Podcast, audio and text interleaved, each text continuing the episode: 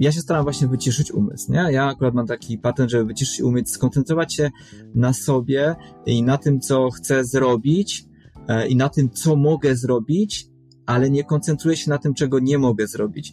Czy jakby skupiam się na starcie na tym, jakie ja mam możliwości, właściwości, jaka jest trasa, bo sobie wcześniej jakoś tam poznałem i skupiam się na tym, co w danym momencie, co teraz jestem już w stanie zrobić w działaniu, żeby być skutecznym, ale nie skupiam się na tym, na przykład, co inni mogą, co potrafią. Czyli nie skupiam się na tym, co Bart z lewej czy Marcin z prawej potrafią, jak mamy się ścigać. Muszę mieć to gdzieś w tym momencie. Ja się muszę skupić na sobie, żeby jak najlepiej e, ja się zaprezentować przed samym sobą, mieć satysfakcję. Mimo tego, czy dobiegnę pierwszy, czy dziesiąty, czy setny, ja muszę mieć, muszę mieć satysfakcję z tego, co zrobiłem ze sobą trakcie biegu. I to jest dla mnie najważniejsza rzecz. Nieważne jest wygrane, inne miejsce, przegrane, zejście z trasy. Ważne jest dla mnie to, żeby czuć się dobrze z tym, co zrobiłem podczas tego show, którym było to bieganie.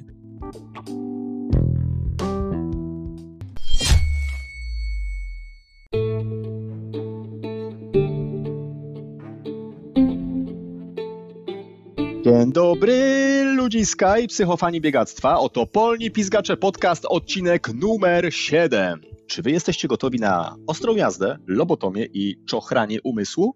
Bo dziś wychodzimy ze strefy komfortu. Zabieramy was na umysłową siłownię i mam nadzieję, że przy okazji zainspirujemy was do tego, żeby zmienić coś w swoim życiu na lepsze, rzecz jasna. Wszystko za sprawą mojego gościa, a chodzi o przetypa o dwóch imionach. Serio. Panie, panowie, przed wami na kanapie upizgacza Darek Marek i żeby nie było, posiadanie dwóch imion to nie jest jedyny powód, dla którego go zaprosiłem. Witaj, mój drogi! Siema, siema, dzień dobry. Co tam słychać, Michał? E, w porządku, leci. Na razie bez kontuzji, także dziękuję, że pytasz. A tak w ogóle, Dario, to ty domyślasz się, wiesz, dlaczego ja ciebie zaprosiłem? No, mam nadzieję, że jesteś gotowy po to, po co mnie zaprosiłeś, jak prawdziwy challenger. Myślę, że nie spałeś ostatniej nocy, tak mi się przynajmniej wydaje.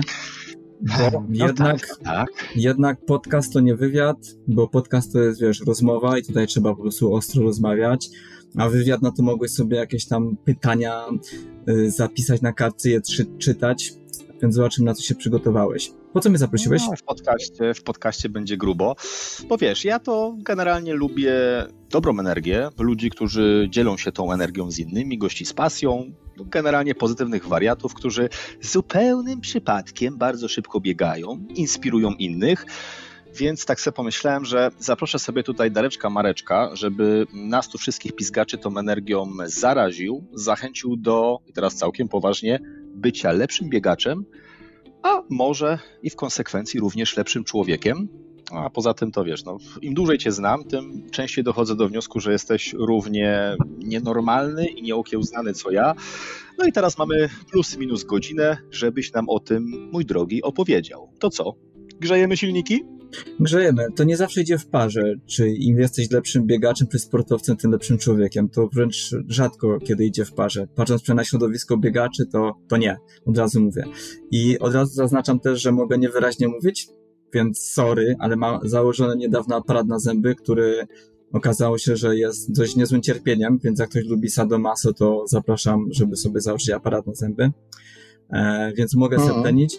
Mało tego, to w ogóle nie pomaga w bieganiu. Powiem wam od razu taką historię, że ciężko jest nawet, nawet tego mi nikt nie powiedział, że nawet ciężko jest flaska. Flaska to jest taka buteleczka, taki kondonik do picia e, płynów hmm. różnych podczas biegania, jakby ktoś nie wiedział. On w ogóle wzorowany na damskich piersiach, bo jest tak zrobiony. Tam jest taki przestrzeń na płyn, taki cycuszek, taki suteczek, który trzeba nacisnąć, e, najlepiej zębami, żeby płyn z niego wyleciał. I jak się ma założony aparat na zęby, to nie da się tego zrobić, bo jest taki ból, że to się nie da tego zrobić.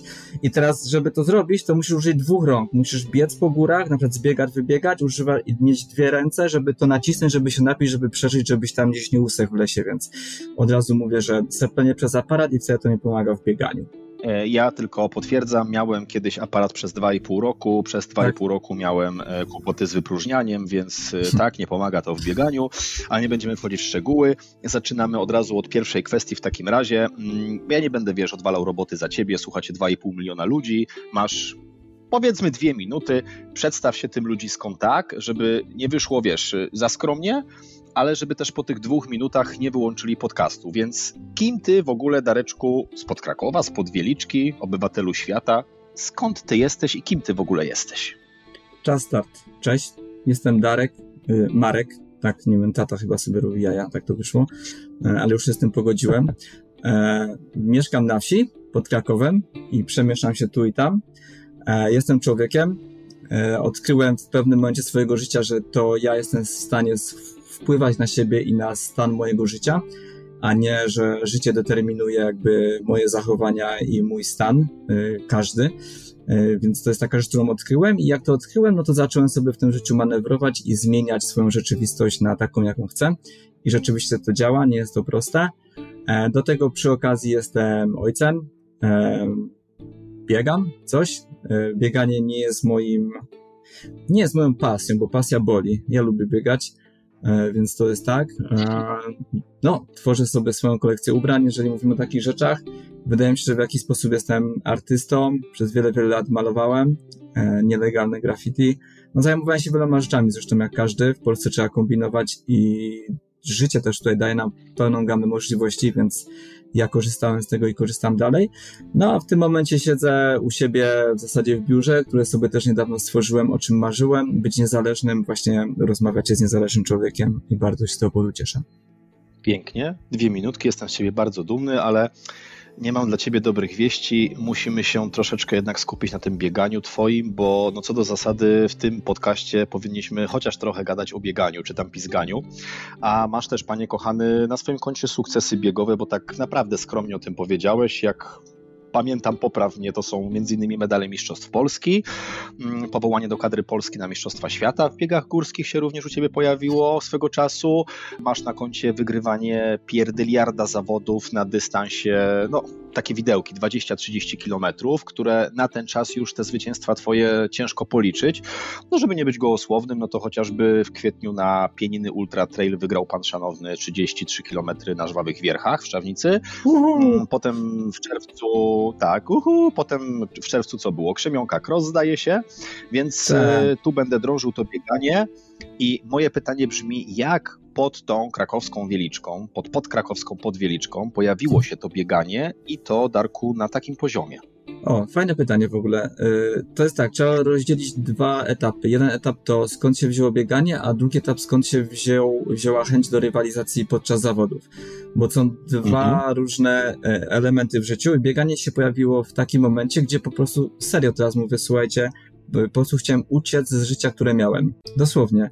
E, I pewnego dnia po prostu wstałem z łóżka, była to niedziela rano, a e, ubrałem buty jakieś, miałem takie trampki, po prostu pobiegłem. E, I tyle. I wtedy poczułem super wolność. To był styczeń, świeciło słoneczko, był gdzieś tam śnieg, mróz.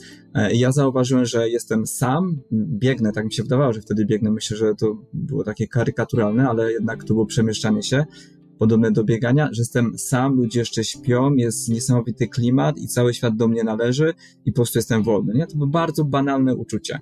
I to mi dało taką, taki zastrzyk po prostu energii do tego, że można ciebie przeklinać na podcaście? Można. O kurwa, to jest coś, co chcę robić.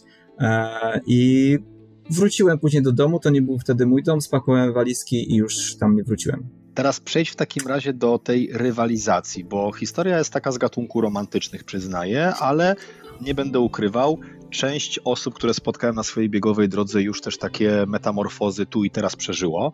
Bo ja to w ogóle słyszałem takie legendy, że jak pojechałeś na pierwsze zawody, to chodziło ci o posiadanie skarpet znanej marki. I jak pojechałeś, to nawet nie wiedziałeś, czy będziesz biegał w górę, czy w dół. No to yy, masz ciekawe informacje. Yy, prawda jest taka, fakty są takie, że idąc przez pewien hipermarket do dużego sklepu, to był sklep taki z łyżwą, taki, możemy mówić, przecież nie robimy reklamy z na podcaście Nike, chciałem sobie kupić skarpetki. To się nazywa, to się nazywa służ chyba, no, ale tak jest. Marzyłeś o skarpetkach na jacza, Boże, Mega. One kosztowały wtedy kocham. dużo no, kasy, no, dużo kasy kosztowały, były fajne, trzykolorowe i w ogóle każdy je chciał mieć, ja też je chciałem mieć. E, i szedłem, miałem kierunek, target to był ten sklep i coś mi zagrodziło drogę, jak szedłem do tego sklepu. Stało tam takie małe stoisko i taki pan nieśmiały tam stał. E, no i tak zaczepił mnie tam i rzucił jakąś ulotką, ja tak go oczywiście olałem, bo miałem misję skarpetki, skarpetki, skarpetki, tak zerknąłem tą ulotkę tak mimochodem, patrzę, te skarpetki narysowane tam były. No i tak przeczytałem szybko napis, no zapisz się na bieg, dostaniesz pakiet startowy, w którym jest to, to i to, plus skarpetki. Myślę, co jest? Niemożliwe, nie? Los nagradza przygotowanych. Myślę, Skarpety kurde... Nike'a za darmo.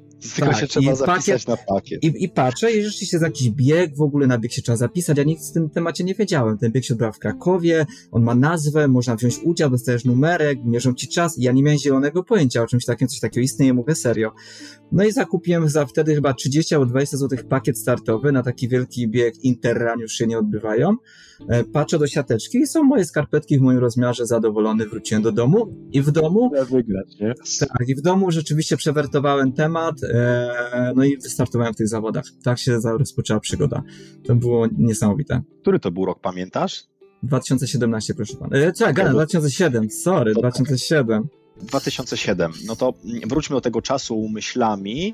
Jak wtedy w ogóle wyglądały Twoje treningi? Bo Coś mi się zdaje, że były takie czasy, że wiesz, na małopolskich wsiach by się pojechało, no to y, jak ktoś biegł w tych skarpetach wymarzonych, to go wytykali palcami, nie? No dokładnie tak było. No jak treningi wyglądały? Treningi wyglądały w taki sposób, że po prostu trzeba było wyjść z domu, ruszyć dupę i sobie pobiegać i codziennie coraz dłużej lub coraz szybciej. To była cała moja zasada i wiedza. Ja nie zdobywałem wiedzy ani z literatury żadnej, ani od ludzi. Ja miałem czystą mhm. białą kartkę, jeżeli chodzi o bieganie i zacząłem to po prostu robić sam po swojemu intuicyjnie w taki sposób, jaki ja czuję, jaki ja chcę. Po prostu, kropka. E, więc rzeczywiście tak, to jest fakt, że ludzie wytykali palcami mnie jak biegałem. E, ja się na to odporniłem, wyrobiłem sobie trochę charakter też przez sport, więc e, miałem to w dupie, a teraz te same osoby już zresztą biegają. Natomiast ten rok 2007 plus kilka lat dalej to był rok po prostu mm, zdobywania doświadczenia i zapisywania tej mojej białej kartki, a tak naprawdę świadomie trenować zacząłem gdzieś w 2015 roku, tak świadomie. A wcześniej to było, wiesz, pokonać piątkę, pokonać dychę, pokonać półmaraton. W ogóle pierwsze dychę, którą pokonałem, czy 10 km w biegu ulicznym, to był krakowski bieg sylwestrowy, biegłem ubrany w mhm. bawełnianą bluzę, taką grubą z kapturem, pod spodem miałem dwie koszulki, rękawiczki zimowe, czapka zimowa, też taka akrylowa, pewnie gdzie wypala włosy, e, spodnie dresowe, wiesz, trampki, to było niesamowite i do, ja dokładnie pamiętam jak swoje miejsce. na tych schodach Filadelfii wyglądałeś, a nie wiesz, jak biegacz w lajkrach, coś takiego. No, dokładnie tak, grubo, więc grubo. myślałem, że to jest wszystko zgodne z tym, co powinno być, e, no więc tak przebiegłem, nawet pamiętam swoje miejsce, teraz byłem 60 na 200 266 osób, więc to wtedy była taka moc, myślę, że kurczę, ale jest ten gość, nie? Mam talent. No, czy się myliłem, bo go, bo go jakby nie mam, ale go wypracowałem. No, ja ci powiem, mordeczko, że faktycznie zrobiłem research, podpytałem trochę twoich ziomków i wyszło mi, że faktycznie tą przygodę z bieganiem zacząłeś, e, jak sam powiedziałeś, od czystej kartki, tylko ja chcę podrążyć, co ta czysta kartka znaczy, gdzie jest ta różnica pomiędzy faktycznie bieganiem samym w sobie, takim rekreacyjnym, a trenowaniem, no i w konsekwencji nie wiem, czy możemy to nazwać wyczynowym bieganiem, ale rywalizacją na najwyższym poziomie, bo gdzieś u ciebie ta linia została przekroczona, nie wiem, czy jak kurde pobiegłeś sobie ten bieg sylwestrowy, zająłeś 60 miejsce, to potem ci się przestawiła jakaś klepka we łbie i pomyślałeś, kurde, jakbym se popykał interwałki, no to może byłbym szósty, a może bym na pudło wszedł. Gdzie jest ta granica? Nie wiem, nie wiem, czy jest gdzieś granica, natomiast jest taka możliwość, że możesz sobie biegać, y, tak jak o tym wspomniałem, że biegamy sobie od tak dla przyjemności. Wychodzę z domu y, wtedy, kiedy chcę, ruszam tyłek, idę sobie pobiegać po prostu od tak, na wschód słońca, żeby się naładować energią, albo wieczorem, żeby sobie zresetować mm głowę, jak to się mówi. E, to jest jedna strona, ale to może się zamienić też w element właśnie rywalizacji ze samym sobą lub z przeciwnikami, czy tam z rywalami, czy z dystansem, czy z czymś i wtedy to się należy trenować, żeby się wyszkolić właśnie do tego wyczynu lub celu lub do spełnienia tego marzenia. Więc, yy, więc jest pewna granica, którą możemy przekroczyć lub skakać nawet po niej w tą, w tą stronę, i sobie korzystać po prostu z życia, używając biegania do tego. A jeżeli chodzi o tą czystą białą kartę, o której wspomniałeś, no to też o tym wspominałem już nieraz, że ja jakby nie czerpałem ani inspiracji, ani żadnych informacji ze żadnych źródeł, e, jeżeli chodzi o bieganie, o to jak to robić, czy mogę to robić, że w ogóle buty trzeba, że w ogóle są jakieś zawody. Ja nic na ten temat nie wiedziałem, ja nie używałem internetu, nie chciałem wiedzieć nawet, E, bo mnie to nie obchodziło. Interesowało mnie tylko mój stan, żeby się poprawił poprzez bieganie. To jest ta czysta biała kartka w moim wypadku. Czyli treningowo ty jesteś totalnym samoukiem. Słuchając swojego, nie wiem, organizmu, patrząc na, na swoje wyniki, wypracowałeś jakieś swoje autorskie metody, tak to mam rozumieć? Tak i nie.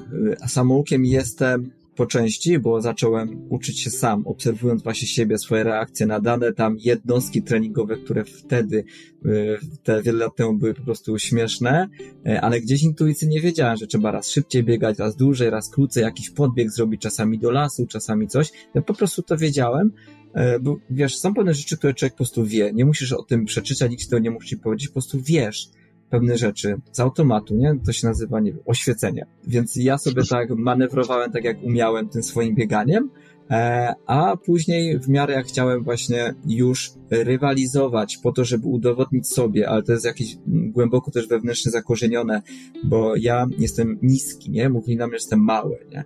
E, nigdy nic w życiu za bardzo nie osiągnąłem i tak dalej, więc prawdopodobnie ja dzięki rywalizacji leczyłem się z takiego kompleksu, nie? Tak mi się wydaje teraz, jak już teraz mogę na to spojrzeć. Czy chciałeś udowodnić innym ludziom, że, że możesz więcej, że nie jesteś mały i, i, i jesteś dokładnie tak. w czymś. Do, dokładnie tak. W bieganiu. Dokładnie tak, a i wzmocni, i zauważyłem, że to wzmacnia po prostu mój charakter i zauważyłem, że to przekonanie, które miałem właśnie, które miałem wpojone od dziecka właśnie, że jesteś niski, słaby, coś tam, że to jest tylko jakieś pieprzone przekonanie, które nie musi być w ogóle prawdą, ja sobie je przemianowałem dzięki właśnie bieganiu i rywalizacji. To mi po prostu uleczyło z tego, a nawet inaczej nie uleczyło, tylko bieganie i rywalizacja udowodniły mi, że to ja mogę się wewnętrznie nastawiać i mieć pewną postawę do życia czy do sytuacji, które to determinują mój stan fizyczny, psychiczny, mentalny, e, energetyczny i tak dalej. Więc na tym, na tym jakby polegało bieganie, to zauważyłem. Ale później, e, jak już ktoś mnie zaraził, mój kuzyn, biegami górskimi, e, no to stwierdziłem, że fajnie byłoby, żeby mi ktoś podpowiedział, jak to się robi i się odezwałem do pewnej osoby i wtedy już miałem taki plan treningowy i sobie jechałem zgodnie z planem treningowym. No. Fajnie, że tak troszkę na okrętkę ale odpowiedziałeś, bo padły takie w mojej ocenie ważne słowa, czym to bieganie może być dla naszego stanu umysłu, dla naszego samopoczucia, a z drugiej strony w odbiciu lustrzanym skąd czerpać motywację do biegania. I, i specjalnie Cię chciałem o to podpytać, bo wśród naszych słuchaczy myślę, że jest dużo takich pizgaczy, którzy, wiesz, biegają sobie rekreacyjnie, czasem patrzą na zegarek, czasem nie patrzą, chcą złapać etap, w którym, kurde, być może powinienem zainwestować w trenera, być może powinienem zacząć robić coś systematycznie i zobaczyć, jak mój organizm zareaguje na, na takie zmiany, czy w ogóle jestem w stanie rywalizować z najlepszymi albo po prostu poprawić swoje miejsca. Dlatego chciałbym w dalszej części z Tobą podrążyć e, właśnie trochę kwestię treningu, te Twoje hasła, o których tutaj troszkę wspomniałeś, przekonania, podejście do biegania jako takie, ale najpierw Cię muszę zapytać o środowisko. Nasze, górskie, biegowe, bo ty jesteś takim trochę dalegodludkiem. Nie szukasz poklasku, nie wiem, nie starasz się ogrzać przy cieple biegaczy z elity. Nawet jak gdzieś tam patrzyłem na fesie, to ty nie wrzucasz jakichś sponsorowanych postów do social mediów. Ja nawet mam w ogóle wrażenie, tak szczerze stary, że ty się z tą elitą biegów górskich niespecjalnie w ogóle kolegujesz, prawda? To dobre, co mówisz. No nie, nie zgadzam się z tą. Nie koleguję się. Tak i nie, no wiesz, jeżeli chodzi o elitę biegów górskich, ludzie są z całej Polski, elitę, no tych, mówimy o Polsce, ok? Na scenie biegów górskich, tych lepszych biegaczy, ludzie są, no, są z całej Polski, z całej Polski i my jakby na co dzień, ja akurat z nimi nie przebywam nigdzie i tak dalej, więc ciężko się tu kolegować, widzimy się głównie na zawodach, to jest raz, y, czyli środowisko spotyka się na zawodach różnych i wtedy możemy tak naprawdę wyczuć siebie, E, nie tylko pod względem sportowym, tylko w ogóle pod względem takim ludzkim, kto kim jest, komu jak z oczu patrzy, kto jak pachnie. To jest jedna rzecz, a druga rzecz jest taka, że gdzieś tam w social mediach ludzie się też w jakiś sposób próbują ukazać, co bardzo często jest, znaczy to już jest też wiadomo, że bardzo często nie jest wspólne i spójne z rzeczywistością. E, ja sobie też to często weryfikuję ze środowiskiem biegaczy, e, górskich i stąd możesz mieć takie przeświadczenie, że ja się nie za bardzo koleguję. Nie, nie mam takiej potrzeby, to raz. Dwa, wiele ludzi lubię, wiele ludzi nie lubię i to jest normalne, tak, tacy ludzie są. To było dwa, a trzy, no, wszystko się też zmienia i, i, i wiesz, jakby środowisko też się zmienia, inni ludzie przychodzą i jedni odchodzą, więc, więc tak to u mnie wygląda. Nie ma jakiejś nienawiści, nie ma czegoś takiego, zupełnie nie. Raczej jest ekscytacja, jeżeli chodzi o jakiś wyścig z kimś, rywalizacja taka zdrowa i to też są banały, co mówię, ale tak jest, ale pragnę tu zaznaczyć, że wiele ludzi z mediów, które się jakoś tam prezentują i mają właśnie poklask, o którym wspomniałeś, w rzeczywistości nie są w ogóle tacy. E, nie są warci tego poklasku. Jak dla mnie, e, nic nie wnoszą do mojego życia pozytywnego, nie?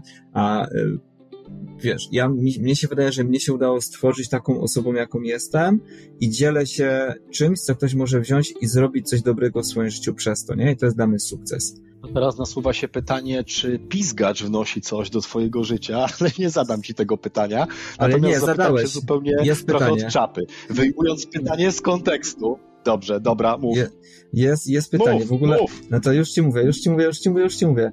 Jest taki myk, że w pewnym momencie wpadłem na ciebie, jeżeli chodzi o internet, nie? Gdzieś tam się przewijaliśmy, ale o internet wpadł na ciebie i zachwyciłem się tą postacią, którą ty stworzyłeś na to, i, i zacząłem się zastanawiać, czy rzeczywiście ta postać, panie polny pizgaczu, jest twoim alter ego, ego, czy to jesteś ty, I oglądając Twoje materiały, nagrywki, miałem dużo z tego fanu i też oczywiście fajnych informacji. E, I w pewnym momencie pomyślałem, kurde, to już jest żenujące. Już gość nie może mówić bardziej z bereźnych kawał, już nic się nie da wymyśleć. Już kolejny odcinek Pizgacza nie może nic do mnie wnieść. I się myliłem. Oglądałem kolejny, znowu lałem ze śmiechu znowu czułem wartość. Naciskamy pedał gazu. I myślę, ja myślę, ja pierdzielę, to jest niemożliwe, to jest niemożliwe, to jest niemożliwe.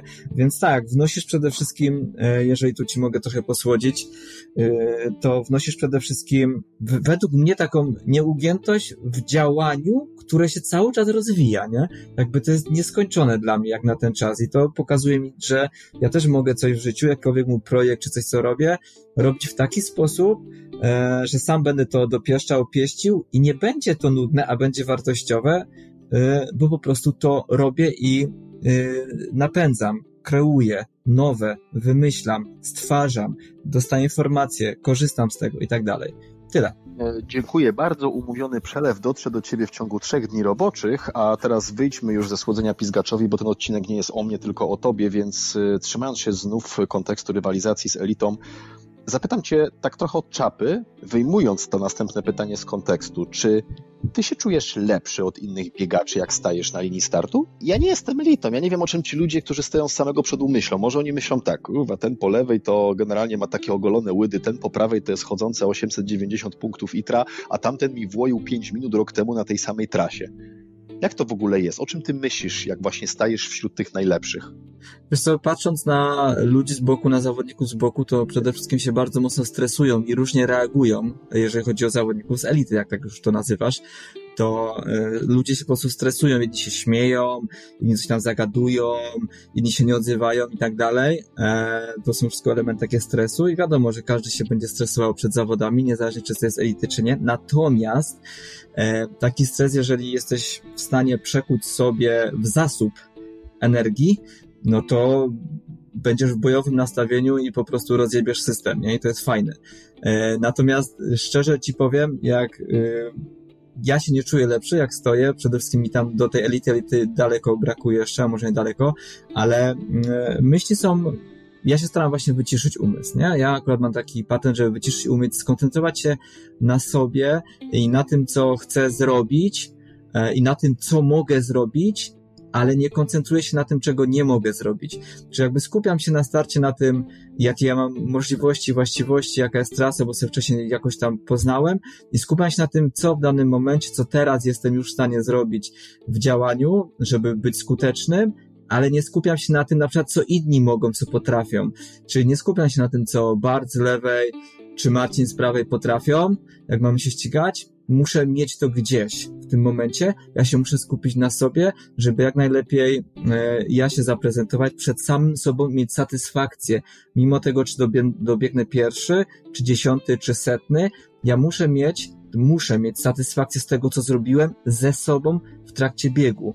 I to jest dla mnie najważniejsza rzecz. Nieważne jest wygrane, inne miejsce, przegrane, zejście z trasy. Ważne jest dla mnie to, żeby czuć się dobrze z tym, co zrobiłem podczas tego show, którym było to bieganie. Rodzi następne pytanie w mojej głowie pizgackiej właśnie, czy ty w ogóle chcesz coś komuś udowodnić tymi wynikami, bo wiesz, ludzie to wilcy, a wilcy mówią, że podobno ty się nie ścigasz tam, gdzie większość górali. Prawda to, czy fałsz, mości panie? Proszę pana, y, takie plotki też słyszałem, więc fajnie, że o tym mówisz. Y, no tak słyszałem, że nie ścigam się tam, gdzie większość górali, y, tylko gdzieś tam sobie jeżdżę. No tak jakbym, nie wiem, miał jakiś kontrakt podpisany z kimś, gdzieś jeździł albo robił coś wbrew sobie. Ja robię swoje, to cały czas powtarzam, biegam zawody tam, gdzie mi pasuje, lub tam, gdzie jestem w stanie logistycznie i sensownie życiowo po prostu na te zawody się udać. E, I to jest kropka. I to jest niezależnie, czy to są mistrzostwa, nie wiem, skyrunningu, e, czy to są jakieś biegi po wsi.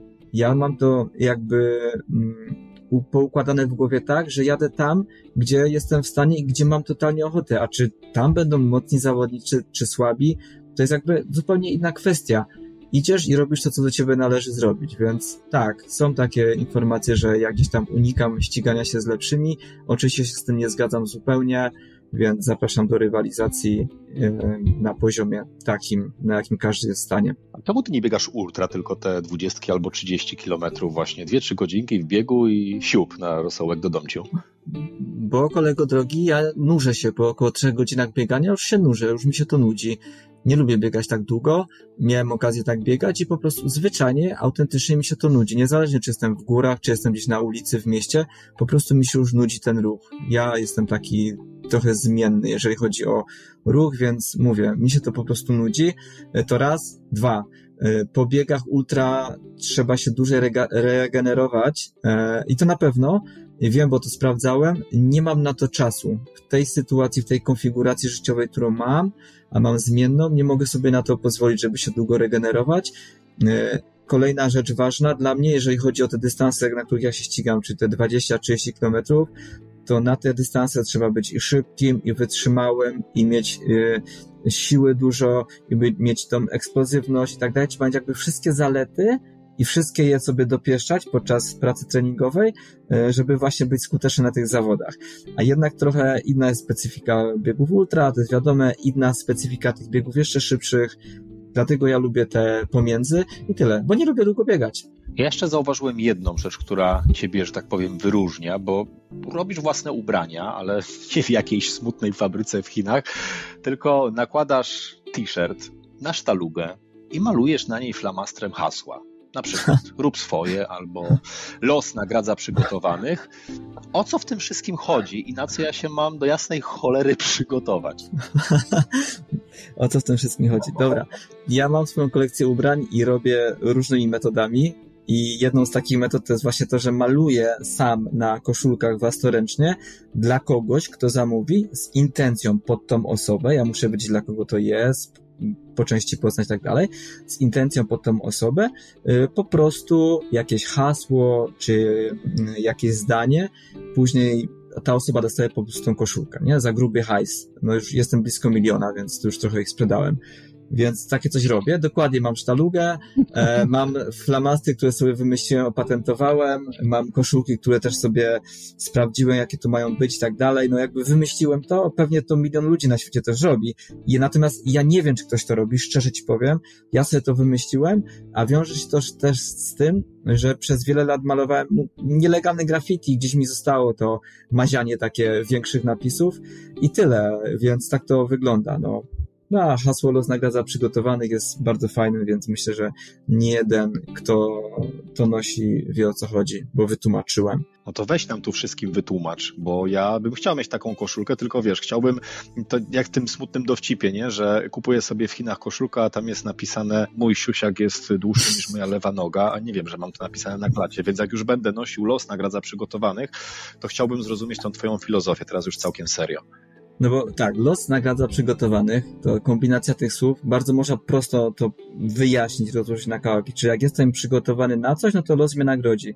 Sportowo, przygotowałem się do zawodów, wygrałem, los mnie nagrodził, nie? Proste, ale to wcale takie nie jest, bo los nagradza przygotowanych, to oznacza, że to, jaką ty masz wewnętrzną postawę i przekonania, będą determinowały to, co cię w życiu spotka. I los nagradza przygotowanych nie oznacza tylko nagrodę tą przyjemną, ale oznacza też nieprzyjemne rzeczy. Czyli na przykład, jeżeli spotykacie coś nieprzyjemnego w życiu, to spotykacie to tylko i wyłącznie dlatego, że ty jesteś w stanie to teraz przeżyć i przetrwać jako doświadczenie i zasób do dalszego życia.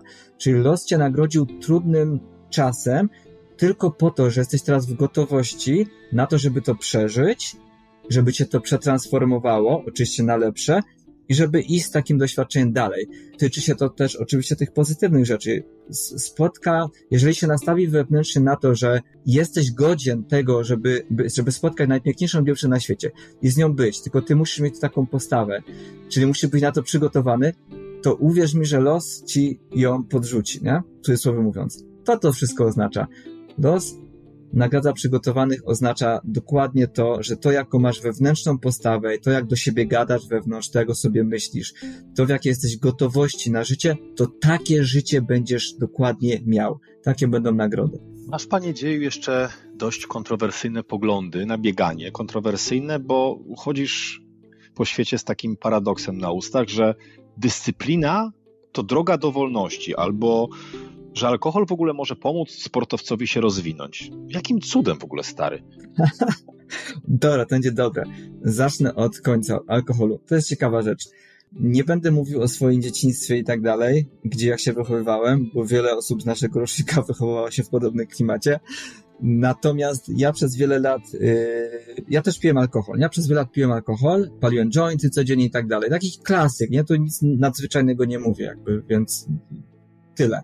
Później przestałem to robić, od tak, po prostu bach, nie chcę, nie chcę, koniec, nie służy mi to już, nie?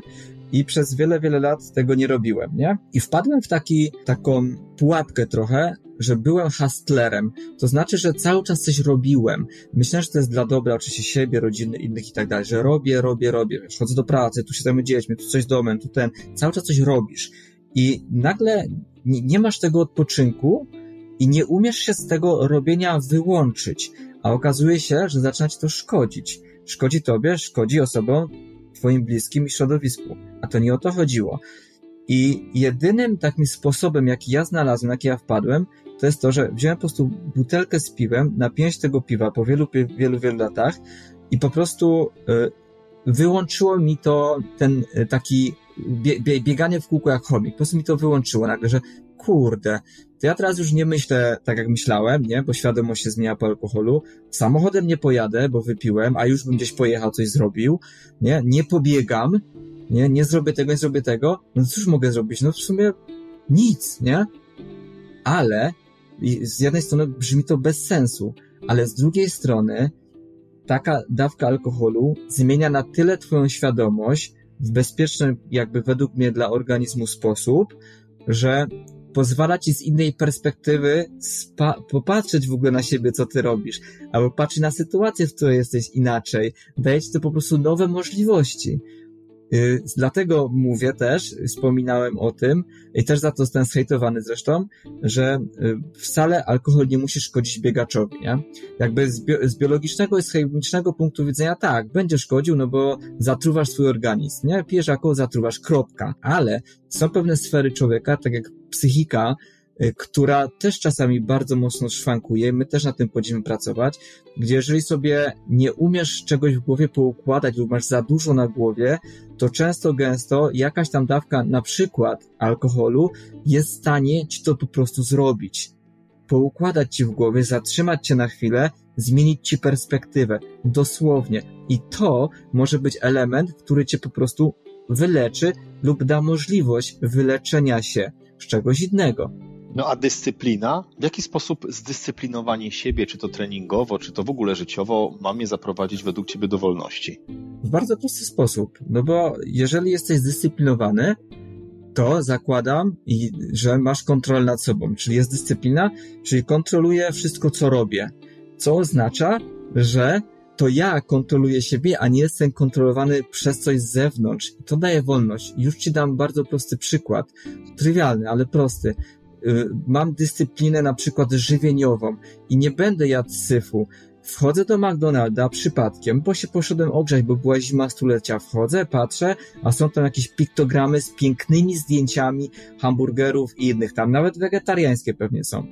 I moja dyscyplina będzie polegała na tym, że ja nie ulegnę tym pięknym obrazkom i mój umysł e, plus być może reakcja biologiczna, że jestem głodny, bo to zobaczyłem coś pięknego, cudownego, co na pewno jest smaczne, że ja za tym pójdę. Nie, nie pójdę za tym, tylko wybiorę, e, wybiorę to, żeby nie jeść tego, przeżyję jak tego nie zjem, nie, czyli będę zdyscyplinowany i w tym momencie jest ta wolność, czyli ja mam wolność wyboru. Albo pójdę i zjem, zeżrę to i pewnie się będę źle czuł, albo nie zjem i będę się czuł dobrze, nie? I dyscyplina powoduje to, że ty masz zawsze wybór. I to powoduje właśnie to, że masz wolność. Ty się po prostu kontrolujesz.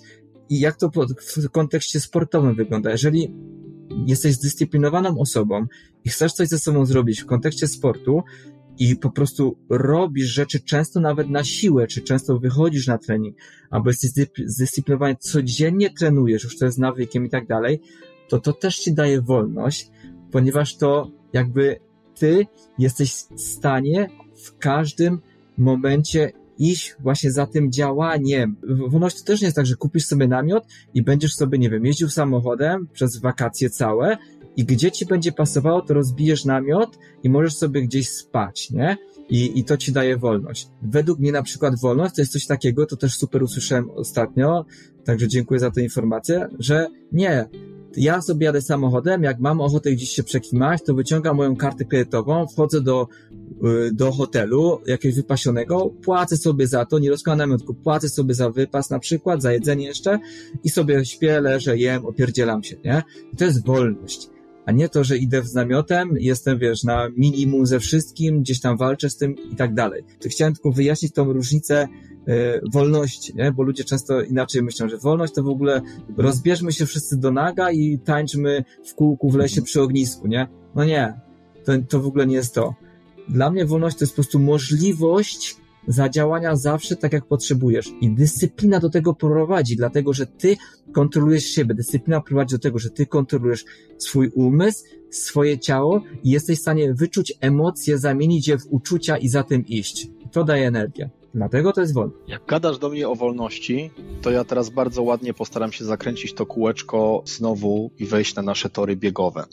Skoro taka wolność jest tak ważna w naszym życiu, to przekonaj mnie, po co amatorskiemu biegaczowi trener i jak to się ma do jego wolności w bieganiu na przykład. Po co amatorskiemu biegaczowi trener? Po pierwsze po to, żeby sobie krzywdy nie zrobił, bo jeżeli już ktoś sięga po trenera, to prawdopodobnie znaczy, że już coś tam biegał albo chce biegać i nie za bardzo wie, jak się za to zabrać e, i ufa temu też słowu trener.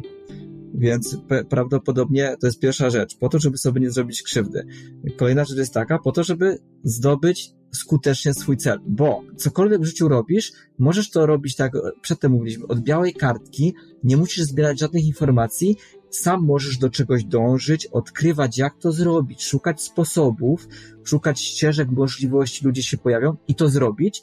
I zajmie ci to na przykład 10 lat a w dobie tych czasów jesteś w stanie komuś zapłacić na przykład za jakąś usługę i zrobisz to samo przy pomocy tej osoby lub z pomocą tej osoby w ciągu roku, więc jesteś skuteczniejszy. Więc biegaczowi amatorowi trener jest potrzebny po to, żeby to bieganie było skuteczniejsze i przyjemnie. Kolejny element jest taki, że trener, jak ci da y, plan treningowy, no to jest to motywacja, po prostu motywacja, właśnie po to, żeby ruszyć dupę, żeby się zdyscyplinować chociażby, prowadzić to do wolności.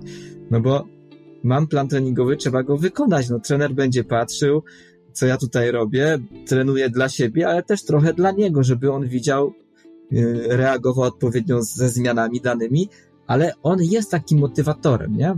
Po te trzy najprostsze y, elementy. Okej, okay. kupuję to, natomiast jak już mam tego trenera, jest dużo ludzi, którzy trenują pod coś, pod jakieś zawody, pod jakiś konkretny cel, bo chcą schudnąć, bo chcą się lepiej poczuć w swoim ciele, bo po prostu, tak jak powiedziałeś, y, nie chcą sobie zaprzątać głowy y, tymi wszystkimi planami, które musieliby sami wymyślać, tylko tak, mogą sobie za to zapłacić, będzie osoba od nich doświadczona, bardziej mądrzejsza i tak dalej, która im to wszystko rozpisze, ale w takim razie, nawet jeżeli już mamy tego trenera, to gdzie według Ciebie jest granica między amatorem, profesjonalnym amatorem, a zawodowcem? No wiesz, przede wszystkim y, łatwo to dostrzec, że trochę środowisko biegowe, cała scena biegowa i możliwości w naszym kraju, w Polsce się zmieniły. E, I teraz też jest modne takie powiedzenie, że biegi górskie w Polsce stały się specjalizacją. To znaczy, że możesz zacząć się skupiać tylko na tym się specjalizować i być dosłownie zawodowcem. Czasy się zmieniły, ja uważam, że z pięć lat temu tego w ogóle nie było. Jak się jechało na jakieś mistrzostwa świata, to byliśmy takim mięsem armatnim. Teraz stało się to specjalizacją. Oczywiście dzięki temu, że biegi górskie stały się bardzo modne, brzydko mówiąc, ale tak jest. Wiele czynników zresztą na to wpłynęło, że tak się stało. Plus to, że się pojawiły możliwości tego, żeby trenować podbiegi górskie, tak jak wiesz, bieżnie mechanicznie, gdzie możesz ją podnieść, właśnie te metody treningowe, których nie było. Nikt w Polsce za bardzo nie wiedział, jak sensownie trenować biegi górskie. Jeszcze parę lat temu, paręnaście to w ogóle, to była czysta taka amatorka, według mojej wiedzy przynajmniej. Jak się mylę, to niech mnie ktoś poprawi. Więc można teraz być rzeczywiście sportowcem, biegaczem górskim, który się czyli człowiekiem, który się specjalizuje w biegach górskich, o, i robić to i na tym się głównie skupić. Możesz pozyskać sponsora, najlepiej zewnętrznego, który w jakiś sposób ci zapłaci, sponsora od bucików, mieć trenera, z którym się dogadasz, dietetyka, wiesz, nie mieć za dużo dzieci do wykarmienia i możesz to po prostu robić, nie? I w jakiś sposób się tym zająć, nie? Więc możesz się w tym specjalizować, bo są ku temu możliwości, kiedyś ich nie było. Natomiast możesz być też człowiekiem, który nie skupia się głównie tylko na tym, ale jest mega dobrze wyszkolonym zawodnikiem, ma też na to mega zajawkę, czyli takim być pro-am, nie? Profesjonalnym amatorem, czyli naprawdę robisz to profesjonalnie i nie żartujesz sobie z tego, jak wychodzisz na trening, nie? Będzie grubo, będzie rozpierdol na treningu, nie, nie bez jaj, nie? Ubrałem buty, będzie ostro, bo tak będzie, ale dalej jesteś amatorem, nie? Czyli jakby to nie jest ten główny priorytet, bieganie. Jakby in, twoje zarobki też przychodzą z innych źródeł, nie? Utrzymujesz siebie, to bieganie plus innych, nie? Jesteś pro-am i jesteś w stanie to robić, bo, bo jesteś po prostu i kropka. No a amator, y, no to czyli tak zwany miłośnik, ja na swoich obozach takich amatorów, którzy y, po sobie lubią biegania, za miłośnikami, to jest super słowo, miłośnicy biegania, uważam, że są tą najfajniejszą sferą, według mnie, bo właśnie robią to na luzie, lightowo, bez napinki i tak dalej, robią sobie treningi, jakie sobie robią, chcą jechać tam, jadą tam, e, nie mają takiej presji na wynik na pewno, tak mi się przynajmniej wydaje. Y, robią to z większym uśmiechem na ustach na pewno niż pro, prosy, tak mi się wydaje. Tak przynajmniej to widzę. I tyle. Nie wiem, czy odpowiedziałem na pytanie, czy wątek nie uciekł. No, w ogóle bardzo chyba taka satysfakcjonująca mnie odpowiedź, bo właśnie sobie uświadomiłem, że również jestem miłośnikiem biegów górskich i za to dzięki. Natomiast, panie kochany, to teraz prosto z mostu, bo mówiłeś o tym teraz i, i faktycznie ty trenujesz ludzi. Od czego zależy honorarium i ile hajsu kosztuje taka usługa, gdybym ja jako miłośnik chciał mieć e, trenera biegowego? Od czego zależy honorarium? To jest ciekawe pytanie. Od tego, jak ty się sam cenisz. W sensie, jak, y, jeżeli ja mówię o sobie, załóżmy, że jestem, jestem trenerem biegowym, od tego, jak ja się cenię, oraz od tego, ile ja muszę siebie, swojej energii i pracy włożyć w ciebie, nie? No to zależy jakby honorarium. To jest bardzo pro proste. E, jaki była dalsza część pytania, bo mi uciekło? No, ta część pytania dotyczyła, panie kochany, ile hajsu, tak konkretnie, no bo wiesz, ludzie będą tutaj pewnie liczyć swoje dzięki, przeglądać karty kredytowe i zastanawiać się, czy im wystarczy ta biała kartka, o której mówiłeś, czy potrzebują pomocy fachowca w trenowaniu siebie i swojego pizgara. Wiesz co, jeżeli pytasz o konkretne stawki, no to są stawki i to jest ciekawe, zaraz powiem jakie to są. Zauważyłem też, że w zależności z jakiego rejonu Polski jest trener, dosłownie, to ma e, inną stawkę. E, wiem, gdzie są tańsi trenerzy i też robią dobrą robotę, wiem, gdzie są drożsi e, i też robią dobrą robotę, e, ale z tego już, tak mi się wydaje, dużo, jeżeli chodzi o takie trenowanie online. I stawki się zaczynają od 150 zł wzwyż, natomiast tak naprawdę jak chcesz, żeby ktoś się z tą konkretnie zajął, no to zaczynają się stawki od 300 zł, nie? W górę. I to jest 300 zł za E, za co tak naprawdę? Za miesiąc, za tydzień, za godzinę, za dojazd do trenera? Znaczy, ja tutaj mówię o stawce y, za miesiąc, nie mówię tu o swojej stawce, moja stawka jest inna, Natomiast to jest za plan treningowy, który dostajesz za korekty w tym planie, pewnie za ćwiczenia jakieś mhm. sprawnościowe, mhm. za kontakt z tobą, e, za jakąś analizę, e, za podpowiedzi związane z odżywianiem się, być może też z nawadnianiem oczywiście, no i rozkmina na temat zawodów i, i, i tego, co tam zrobiłeś i dalszych planów, więc tak to wygląda, nie? Natomiast tutaj od razu też powiem, ja mówię, mm, nie wiem, czy za siebie w ogóle powiedziałem jeszcze, bo ja nie powiedziałem, jak to u mnie wygląda, ale całkiem podobnie. Natomiast to jest ciężki kawałek chleba, to jest ciężka praca bycie trenerem biegowym. E, jeżeli ktoś się z tym nigdy nie zmierzył, jeżeli chodzi o współpracę z ludźmi, z wieloma ludźmi, którzy gdzieś wpływają na twoje życie, a ty na ich życie, bo generalnie mówisz im, co oni mają mhm. robić, nie?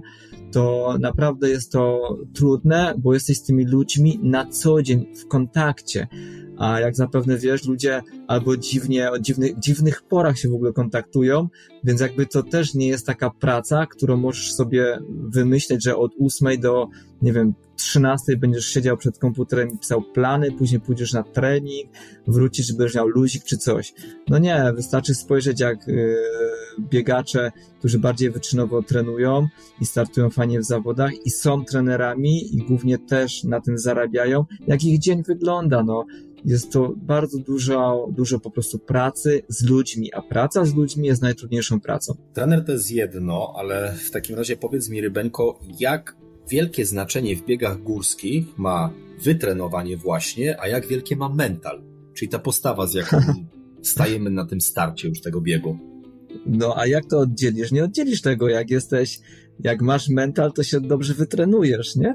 A jak będziesz tylko takim e, surowym katem swojego ciała i łoił treningi, bo tak jest napisane i nie bardzo się zastanawiał nad tym, jak to, jak to w ogóle co się w tobie zmienia, nie zauważał tego, co się w tobie zmienia, nie miał refleksji na swój temat, w trakcie po prostu trenowania, w sensie w trakcie jak iluś tam tygodni, dni, miesięcy mhm. trenowania, jak nie ma żadnej refleksji, no to, no, no, no, to, no to lipa, nie? To mental się też jakby nie zmienia z tym, ale to powinno być są w parze, bo też jak sobie nastawisz tak zwany ten mental, czyli po prostu nie dasz sobie wiary w to, że ci się nie uda, albo że jesteś za słaby, albo że ktoś robi to lepiej. Jak nie dasz sobie wiary w to, to znaczy, że już masz bardzo dobrą postawę do tego, że twoja wewnętrzna motywacja jest na poziomie ok, domyślnym i możesz zrobić cuda ze sobą.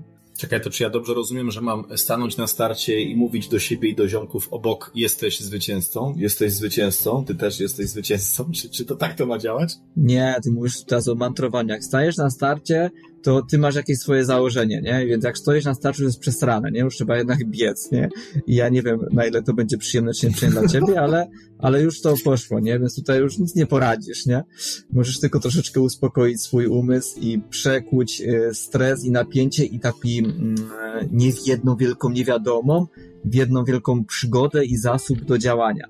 E, ja tutaj mówię, jeżeli chodzi o ten mental, o tym, żeby nie mówić do siebie, że jesteś zwycięzcą, tylko żeby przestać pierdolić do siebie, że nie dasz rady. To jest duża różnica. Przestań, wiesz, mówić do siebie negatywnie lub mhm. myśleć, że czegoś nie możesz, bo myśleć, że czegoś nie... Inaczej. Myślę, że jednak mi się uda. No nie, jednak mi się uda, nie? Ja to zrobię, to jest kropka, nie? Bo to, na czym się skupiamy, to dostaje naszej uwagi, za uwagą idzie energia, tam gdzie idzie energia, to to rośnie, nie? Więc znowu to, co mówiłem, nie skupiamy się na tym, co może mi się stać podczas tego biegu, tylko skupiam się na tym, co ja mogę zajebistego zrobić podczas tego biegu, nie? Obie rzeczy jakby uchronią mnie przed na przykład yy, ja, nie, no nawet przed urazem, jak w bieganiu w Tatrach. Myślenie o tym, co ja mogę zrobić, jak jestem skuteczny i myślenie o tym, co ja mogę zrobić, jakie to będzie fajne, spowoduje to, że będę skupiony na tym i będę bezpiecznie biegł na przykład po Tatrach, a myślenie o tym, co mi się może mhm. stać, że się mogę potknąć, że na wysokości mogę zemdleć, bo jest mniej tlenu i tak dalej, na zbiegu coś tam, Jasne. to jest skupianie się też na tym samym, co mnie może uchronić, ale lepiej skupiać się na tym, co wpłynie na ciebie budująco, niż na tym, co wpłynie na ciebie niebudująco, a efekt może być podobny, nie? No to spróbujmy poza mentalem jeszcze rozłożyć na czynniki pierwsze takie, no inne składowe treningu, które, nie wiem, może mogą mieć znaczenie. Panie Misiu, na przykład y, o jakich porach trenować, bo ja widzę na twoim fejsie, że ty o piątej rano wyciągasz ludzi z łóżek w majtkach samych i zaganiasz ich do roboty na stadion. No, nie ma żartów. Tak jest. E, o których, o jakich porach trenować? Widzisz, to wszystko znowu zależy. Popatrz, e, wrócę do tego, co ty powiedziałeś o tych ludziach biegających ze mną w samych majtkach. Wrócę do tego. Natomiast jeżeli teraz patrzysz ogólnikowo na y, środowisko biegaczy, miłośników, amatorów, prosów, nieważne, są teraz możliwości, żeby generalnie móc trenować o różnych porach. I ludzie różną teraz mają pracę, wiesz, więc kiedyś było tak, że większość ludzi szła rano do roboty, już nie do pracy, do roboty, kończyła po południu robotę lub późnym popołudniem, no i szła wtedy na trening, godzina 19 byli po robocie, po treningu i zaczęło się wtedy życie, nie? Teraz się to trochę pozmieniało i ludzie trenują o różnych porach. To jest pierwsza rzecz, co zauważyłem. Ja też miałem taką możliwość stestować to na swoim życiu i u siebie, które pory w danym dniu i w danej porze roku są dla mnie najlepsze do trenowania. Miałem taki okres w życiu, gdzie nie miałem wyjścia i musiałem trenować o czwartej, o czwartej rano, o piątej rano, dlatego że między godziną czwartą a szóstą to był jedyny mój czas wolny, zanim na przykład dzieci wstały, nie? A wieczorem tego nie mogłem zrobić, bo byłem z nimi i tak dalej, i tak dalej. Więc ja się wyuczyłem na początku na siłę, żeby wstawać rano i po prostu iść na trening i biegać. I zauważyłem po czasie, że jest to, już mi to nie sprawia problemu, że jest to mega super fajne i to jest ekstra bodziec do, za, żeby zacząć dzień. I ten dzień jest taki pełen energii, jestem wesoły, naładowany, bo biegając, jakby ładujesz się też energią. To nie jest tak, że zużywasz energię, bo zużywasz tą energię, która gdzieś tam zastała, taka już niepotrzebna, ale ładujesz się świeżą, nową, nie? Tą taką, która sprawia, że chce się bardziej żyć. Więc ja trenowałem też o takich godzinach. Później miałem możliwość, żeby trenować o różnych porach, tak jak mówiłem, i próbowałem trenować wieczorami. Nie bardzo mi to pasowało, bo wieczorem skończysz trening późno, nie o 21 i co, masz teraz iść się nażreć, zanim się wykąpiesz zanim to, później idziesz spać, taki obiedzony, człowiek się nie regeneruje wtedy, według mnie w ogóle.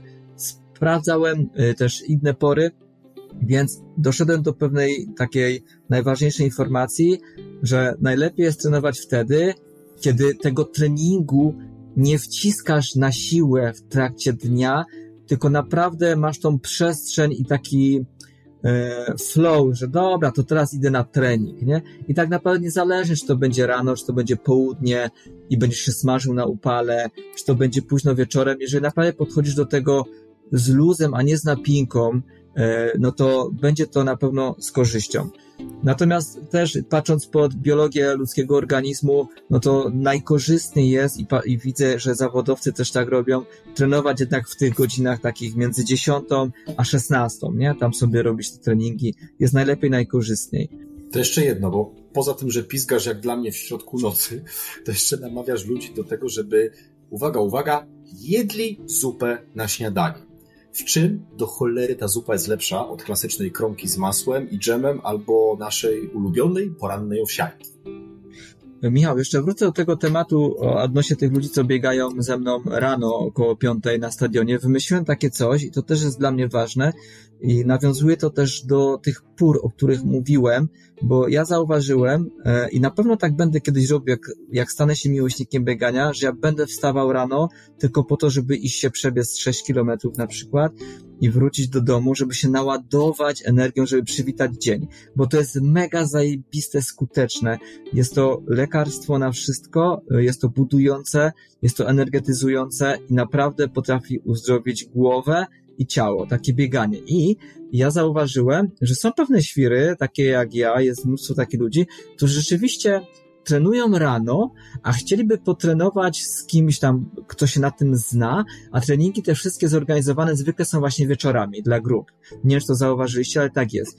Więc ja wyszedłem z takim pomysłem, mm. dobra, no to ja to robię prawda. treningi rano mm. dla tych, którzy chcą sobie zrobić trening przed pracą, robimy trening i idziemy do pracy, nie? I dokładnie jest takie coś. 5.40 raz w tygodniu minimum spotykamy się danego dnia na stadionie i robimy naprawdę, naprawdę konkretny trening i ludzie, którzy na to przychodzą, rośnie ilość, są bardzo zadowoleni, jest to bardzo fajne, ja jestem pomysłowy, ja też trenuję trochę inaczej niż większość, tak uważam.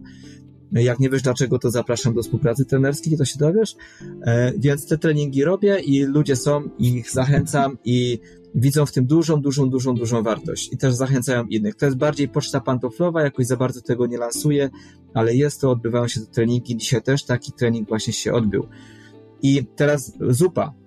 Zupa strupa. Dobra, zupa jest najlepsza. Dlaczego zupa jest najlepsza według mnie na śniadanie, a nawet na kolację też bym zaryzykował takie stwierdzenie? Dlatego, że po pierwsze organizm po nocy, każdy organizm po nocy jest nieco odwodniony. Zupa nawadnia i nawilża. Nawilża soki ciała przede wszystkim. I nawadnia. No, bo jest mokra i ma tam składniki odżywcze i tak dalej. Więc to jest pierwsza rzecz. Druga rzecz, zupa jest lekko strawna. Więc budzimy się rano i zamiast zjeść już jajecznicę, czy parówki, czy kanapkę z szynką, z czy coś tam, co od razu nas delikatnie znowu osłabi, a my wstajemy po to, żeby mieć energię do działania, tak? Tak. A jak zjemy coś takiego ciężkiego, ciężkostrawnego, to nas to znowu osłabi i wyjdziemy do dnia już delikatnie tacy znużeni.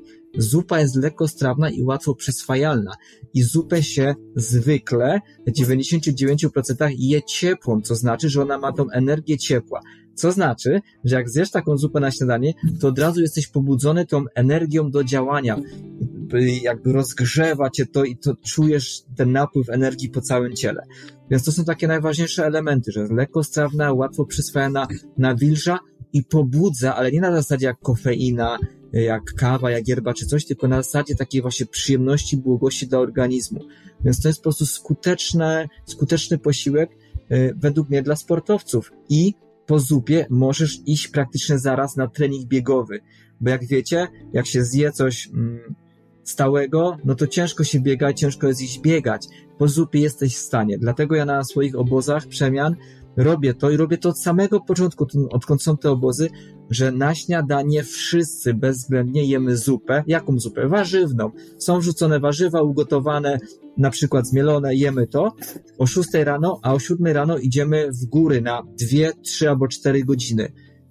I, i, I ludzie sobie nagle udowadniają, że wow, kurde, da się po tej zupie naparzać tyle, jestem zdrowy, wszystko działa, e, wiesz, mogę po tej zupie iść od razu na trening, czuję się dobrze i, i, i ci ludzie wracają z takiego obozu do domu, do siebie, wprowadzają to do, do, codzienności i życie się zmienia na lepsze. Dziękuję. Czy odpowiedź jest satysfakcjonująca, czy jasno się wyraziłem?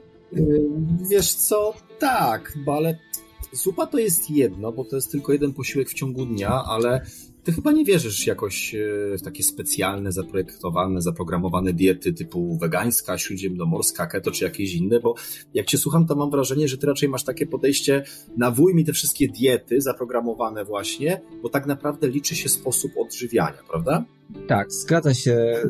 To znaczy, dieta jest sposobem odżywiania. Natomiast y, tu ja cię trochę tutaj zrobię korektę. Nie liczy się tyle sposób odżywiania, co świadomość odżywiania. Co znaczy, tak jak w moim przypadku, oczywiście od razu zaznaczam, nie neguję diet ani różnych modeli jedzenia, ok, jak ktoś potrzebuje, to niech z tego korzysta, natomiast zachęcam do tego, żeby sobie poczytać, zdobyć informacje lub samemu sprawdzać, jak dany posiłek na mnie wpływa. Czyli to, czy coś mnie rozgrzewa, czy coś mnie ochładza, czy coś mi dodaje energii, czy coś mnie osłabia, czy coś powoduje, że jestem pobudzony, czy jak po potrzebuję, żeby się trochę wyciszyć, to mnie wycisza, po to, żeby wiedzieć, jaki pokarm w siebie wprowadzić do danej potrzeby w życiu.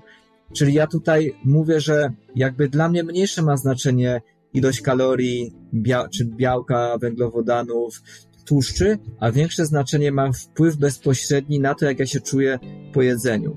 Okej? Okay? Nie wiem, czy jasno wyraziłem, mm. ale ja, ja tak to widzę. Jakby okay. wszystkie diety i wszystkie sposoby okay. odżywiania są w porządku, jak dla mnie.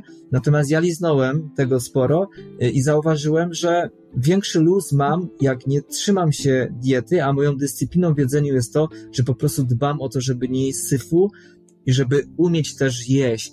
Czyli jem powoli, spokojnie, długo przeżuwam, nie piję do twardego jedzenia, żeby tych soków żołądkowych tam, wiesz, nie rozrzedzać, nie jem późno. Przede wszystkim, to jest też klucz w ogóle do regeneracji, żeby późno nie jeść, nawet jak naprawdę jesteś głodny, żeby robić sobie posty na przykład co jakiś czas, na przykład dobowe, żeby robić sobie okienka żywieniowe, na przykład nie jem przez 14 godzin, 16 godzin. To jest wszystko dla zdrowia i dlatego, żeby podnieść swoją witalność, po to na przykład, żeby być lepszym sportowcem, a nie właśnie ilość kalorii, białka do regeneracji i tak dalej. To jest jeden ze sposobów, ale dla mnie bardziej obciążający niż świadomość odżywiania się. No to grubo żeś wjechał, panie, z rozkminą, bo Kolejna rzecz, która trochę jest dla mnie nawet bardzo, kurła trochę, nieszablonowa i rzadko spotykana u biegaczy, jako element treningu powiedzmy, chodzi mi o medytację. W jaki sposób ta medytacja ma mi pomóc, czy to w lepszych wynikach i po co w ogóle tracić na to czas? Czy to jest strata czasu? Po pierwsze tak, medytacja to jest narzędzie.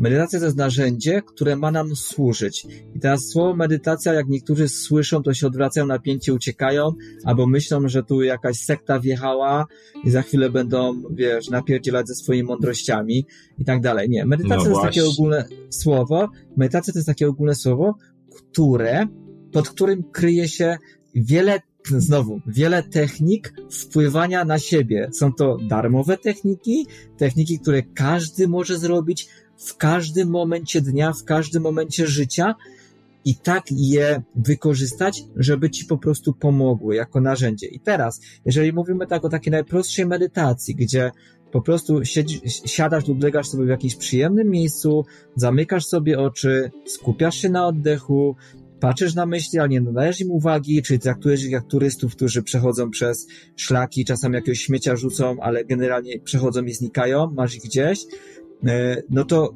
te, nie łapiesz się tych myśli, czy nie haczysz się ich, to nagle twój organizm sam automatycznie zaczyna się rozluźniać. Czyli już mam pierwszy element regeneracyjny.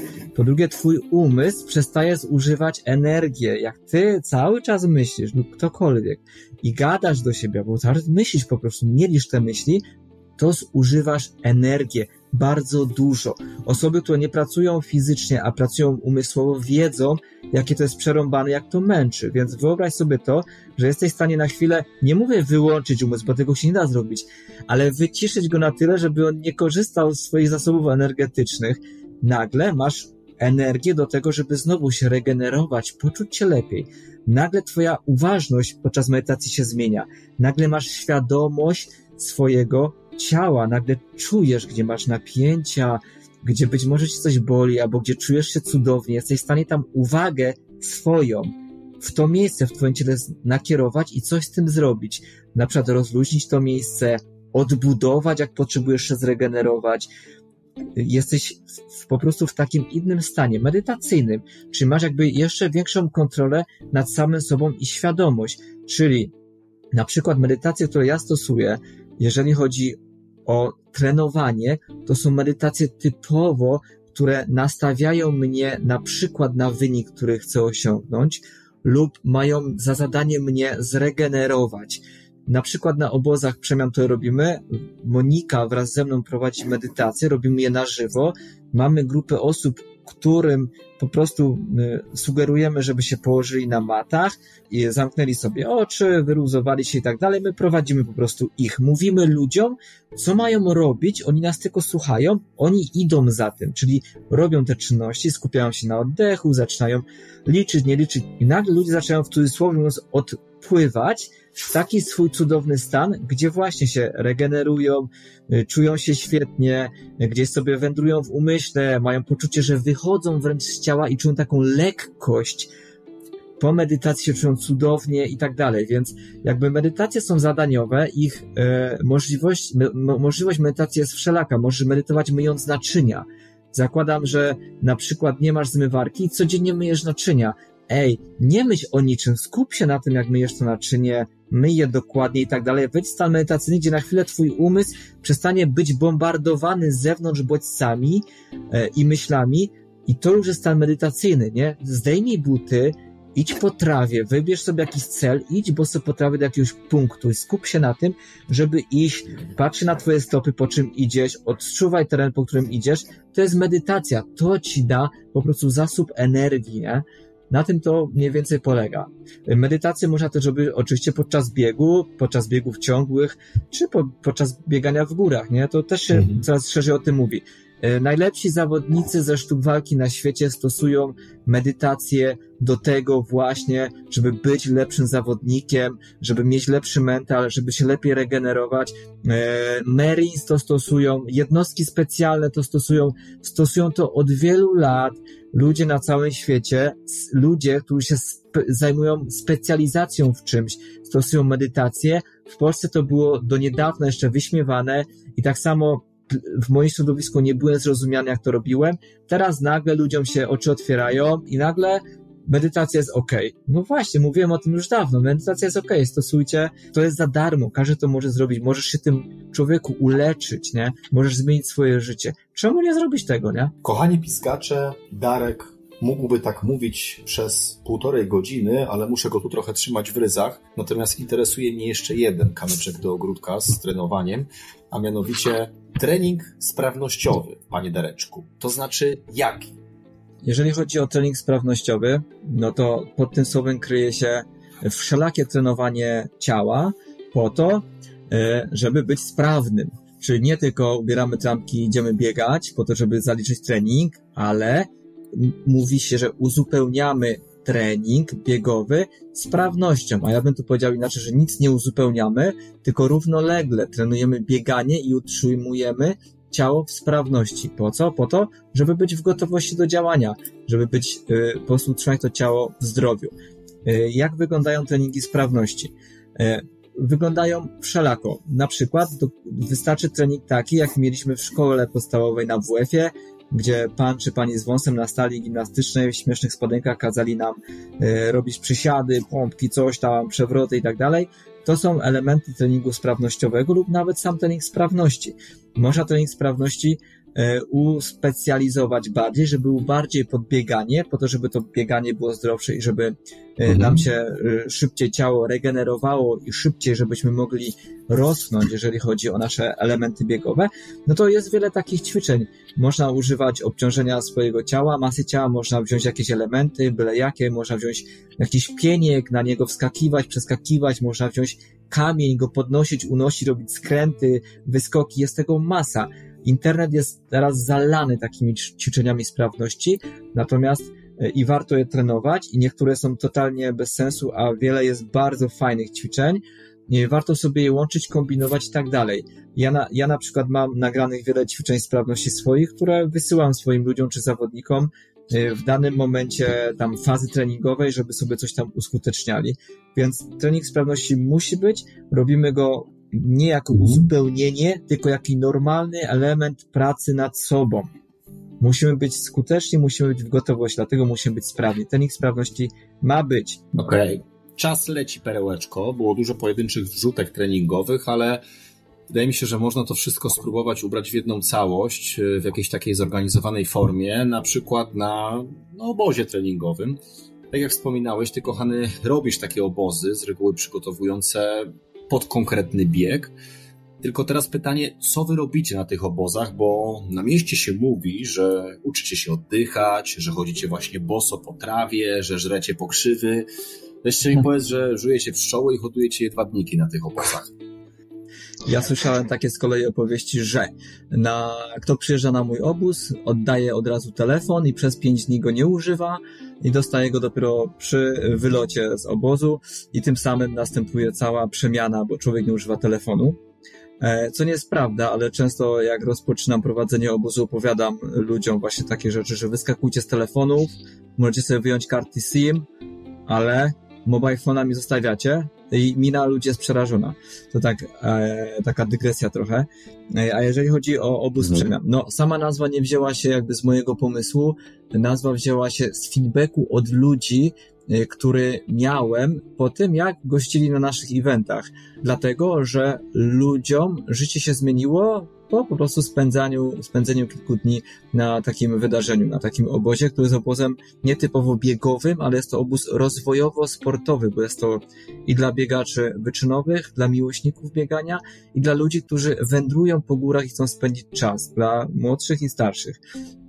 Więc to jest taka reklama od razu, jakby ktoś y, nie wiedział, to się może wybrać. Każdy nie musisz być biegaczem, ale y, zakładamy, że y, mówimy tutaj głównie do środowiska biegaczy, no to naprawdę jest co tam robić i biegać, bo zwykle obozy się odbywają w różnych miejscach górskich na terenie całej Polski. Już trochę tych obozów powstało, też za granicą się zdarzyło, więc, więc tak.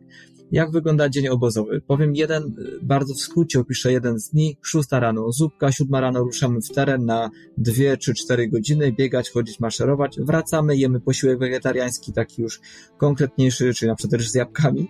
E, później siadamy, pijemy yerba mate, o którym ja opowiadam i pijemy zioła i jest też zioło niespodzianka, które ja zawsze przygotowuję na obóz i nikt nie wie, nawet Monika nie wie jakie to jest zioło i zgadujemy co to jest za zioło, możemy sobie je posmakować, powąchać, połotykać, wypić. Kto zgadnie jest nagroda, od razu mówię. E, potem jak sobie te zioła wypijemy, e, znaczy w trakcie picia tych ziół poruszamy wszelakie tematy, Rzadko są to tematy biegowe, chociaż też, jeżeli obóz jest ukierunkowany pod dane zawody, bo też tak bywa, to są to tematy związane z zawodami, ale ludzie nagle się otwierają na tych obozach, bo jest specyficzna atmosfera i rozmawiamy o rzeczach takich, o których na co dzień się nie rozmawia. Są to rozmowy y, na fajnym poziomie, głębokim i rozmawiają osoby wszelakie, od lekarzy, przez sprzątaczki, przez sportowców wyczynowych, naprawdę pilot samolotu i tak dalej. No ludzi mamy na obozach super grono, tak różnorodne, że dzielimy się swoimi po prostu doświadczeniami nawet na dany temat. Na przykład jak spędzasz dzień lub jak spędzać dzień, żeby żyło ci się lepiej, nie? ja mówię oczywiście mhm. swoje mądrości, wartości, i dyskutujemy na ten temat. I to jest niesamowite, jak wiele rzeczy się super y, fajnych od ludzi dowiadujesz, które są realne i życiowe, bo oni to po prostu robią i jesteś w stanie to wprowadzić do swojego życia. Więc po tych rozmówkach Następuje akcja treningowa numer dwa. Robimy trening sprawności około godziny lub półtorej godziny. E, są to właśnie skipy, rytmy, są to różne wymachy, wykopy, ćwiczenia sprawności specjalistycznej lub e, prowadzimy z Moniką jogę lub akrojogę lub nawet wylegujemy się na łące, jak jest ładna pogoda, po prostu leżymy sobie do słońca. E, wszystko zależy Mi się od tego, podoba ten jesteśmy. fragment o wylegiwaniu się na trawie. To, to, to brzmi jak plan dla pizgacza, tak realnie. No to tak realnie na przedostatnim obozie tak tak jeden z treningów się zakończył i naprawdę sobie leżeliśmy i to był po prostu najlepszy, co mógł wtedy jodzio. zrobić. E, po takim drugim treningu sprawnościowym zwykle jest sauna, basen, jacuzzi, zależy gdzie jesteśmy, że jest taka możliwość i posiłek kolejny, czyli kolacja około godziny 17-18 najpóźniej, ryż z jabłkami, przypominam, E, I później właśnie e, mamy chwilę czasu wolnego i o 20 mniej więcej idziemy do jednej sali czy do dużego pokoju i robimy sobie tam właśnie medytację. Czyli się wyciszamy, prowadzimy tą medytację i po medytacji wszyscy tak fajnie wyciszeni, spokojnie rozmawiamy też e, o tym, jak to się czuje, co kto przeżył i tak dalej i tym samym zakończamy dzień. Ale to jest jeden z dni takich domyślnych trybów działania. Te dni się zmieniają, w sensie działania się zmieniają, Często w nocy wychodzimy na słońca na jakąś górę, e, czy na szczyt. E, często robimy treningi na czczo, takie konkretne. Udowadniamy sobie, że można fajnie biegać, trenować przez godzinę, naprawdę intensywnie, bez jedzenia, nie być głodnym i czuć się, wiesz, lekkim, fajnym i tak dalej. Chodzimy dużo boso, e, morsujemy czasami, ładujemy się też słońcem, różne techniki są, rozmawiamy o różnych tematach, są też takie tematy terapeutyczne, Monika, która ze mną prowadzi te obozy z terapeutką i fajne rzeczy wychodzą. E, no dużo jest śmiechu przede wszystkim, to jest najfajniejsze, najbardziej się wzmacniamy, leczymy śmiechem. E, dużo jest rozmów podczas tych treningów biegowych. E, są też goście niespodzianka, przybywają goście niespodzianka, którzy są zaproszeni z mojej strony i są to albo wybitni biegacze, albo bardzo ciekawe osobistości, które wnoszą dodatkową wartość dla tego obozu. Także dużo się dzieje, to jest tak w skrócie opowiedziane. Tak jak mówię, każdy mm. po tym obozie y, czuje się naprawdę naładowany energią i mocą i mówię to totalnie jak jest, ja teraz nie wymyślam i każdy z tego obozu bierze sobie jakiś element albo kilka elementów i wprowadza do swojego życia i to dlatego ich przemienia im życie na co dzień. Na lepsze po prostu, stajemy się jakby lepszą wersją siebie, bo dużo też tam jest tematów odnośnie tak zwanej kalibracji doby. Dużo mówimy o tym, co zrobić albo czego nie robić, żeby nam się posłużyło lepiej w trakcie okay. doby jednej, nie?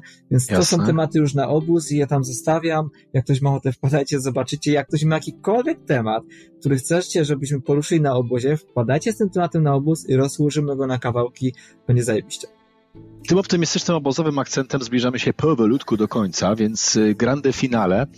Z tych wszystkich rzeczy, o których mówiłeś, od czy to sfery mentalnej, przez jedzenie, oddychanie czy medytację, tak z Twojej perspektywy, gdybyś mógł wybrać jedną, jak bardzo mnie poprosisz, to Ci pozwolę wybrać dwie, takie, które według Ciebie miały największy wpływ na Twój rozwój biegowy, albo pozwoliły Ci wyjść ze strefy komfortu, zmienić na przykład radykalnie Twój sposób trenowania, albo po prostu pozwoliły Ci stać się lepszym człowiekiem, zgodnie z tezą, o której zaczęliśmy rozmowę.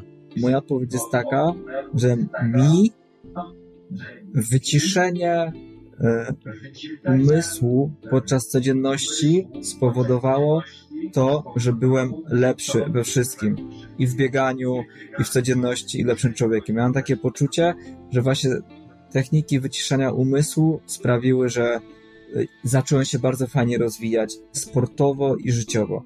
Więc to jest moja odpowiedź. Okay. Jakby spokój ducha. Spokój ducha to jest największy luksus w tych czasach i spokój ducha to jest waluta, która jest nie do przebicia. To jest moja odpowiedź. No i regularne pizganie, czyli trenowanie, także nie ma co też pierdolić, nie? Jasne. To na pożegnanie, Dareczku, gdzie tak. byś teraz był, gdyby nie bieganie po górach? Tu, gdzie jestem. Nie mogłoby się życie inaczej potoczyć. Gdyby mogło, to by się potoczyło. Piękna puenta. Na deser jeszcze dwa ogłoszenia parafialne od wujka Pizgacza. Jeśli chcecie złapać kontakt z Darkiem, jego stanem świadomości, jego wizją świata, mm, sposobem trenowania, albo w ogóle pogadać z Darkiem o tu i teraz, albo też, e, nie wiem, o tych obozach chcielibyście z nim pogadać, to szukajcie w social mediach po prostu dwa imiona Darek Marek. Dobrze mówię, panie kochany? Tak, dwa imiona, albo Darek Marek, albo Obóz Przemian. Szukajcie, jak nie macie co robić, tylko grzebać w telefonach, to szukajcie. Jasne, już dajcie spokój z tymi filmami Pizgacza, poszukajcie ze Darka, zmieńcie coś w swoim życiu.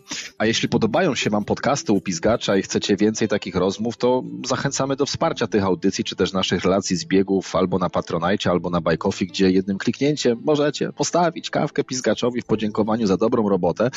Linki oczywiście znajdziecie w opisie odcinka, czy tam latające tutaj w komentarzach. A teraz życzymy Wam z Darkiem luźnej łydy, świeżości w kroku i takim chińskim powiedzeniem zakończę, niechaj Wasze pachwiny nigdy nie będą obtarte. Prawda, Dario? Świetnie to zakończyłeś, natomiast ja chciałbym mieć ostatnie słowo, jeżeli mogę mieć. Dwa. Pierwsze, tak, wspierajcie polnego pizgacza i czekamy na pierwszą osobę, która przeleje pierwszy milion na konto tutaj mojego rozmówcy, bo wiem, że macie, więc przelejcie, niech świat stanie się lepszy. A puenta zakończeniowa w ogóle i zdanie, które chciałem powiedzieć, to jest właśnie takie, pamiętajcie, że to los nagradza przygotowanych. Banał, ale fakt i idźcie z tym przeżycie. Dzięki. Adios, amigos. Jak zwykle był sztos. Do następnego!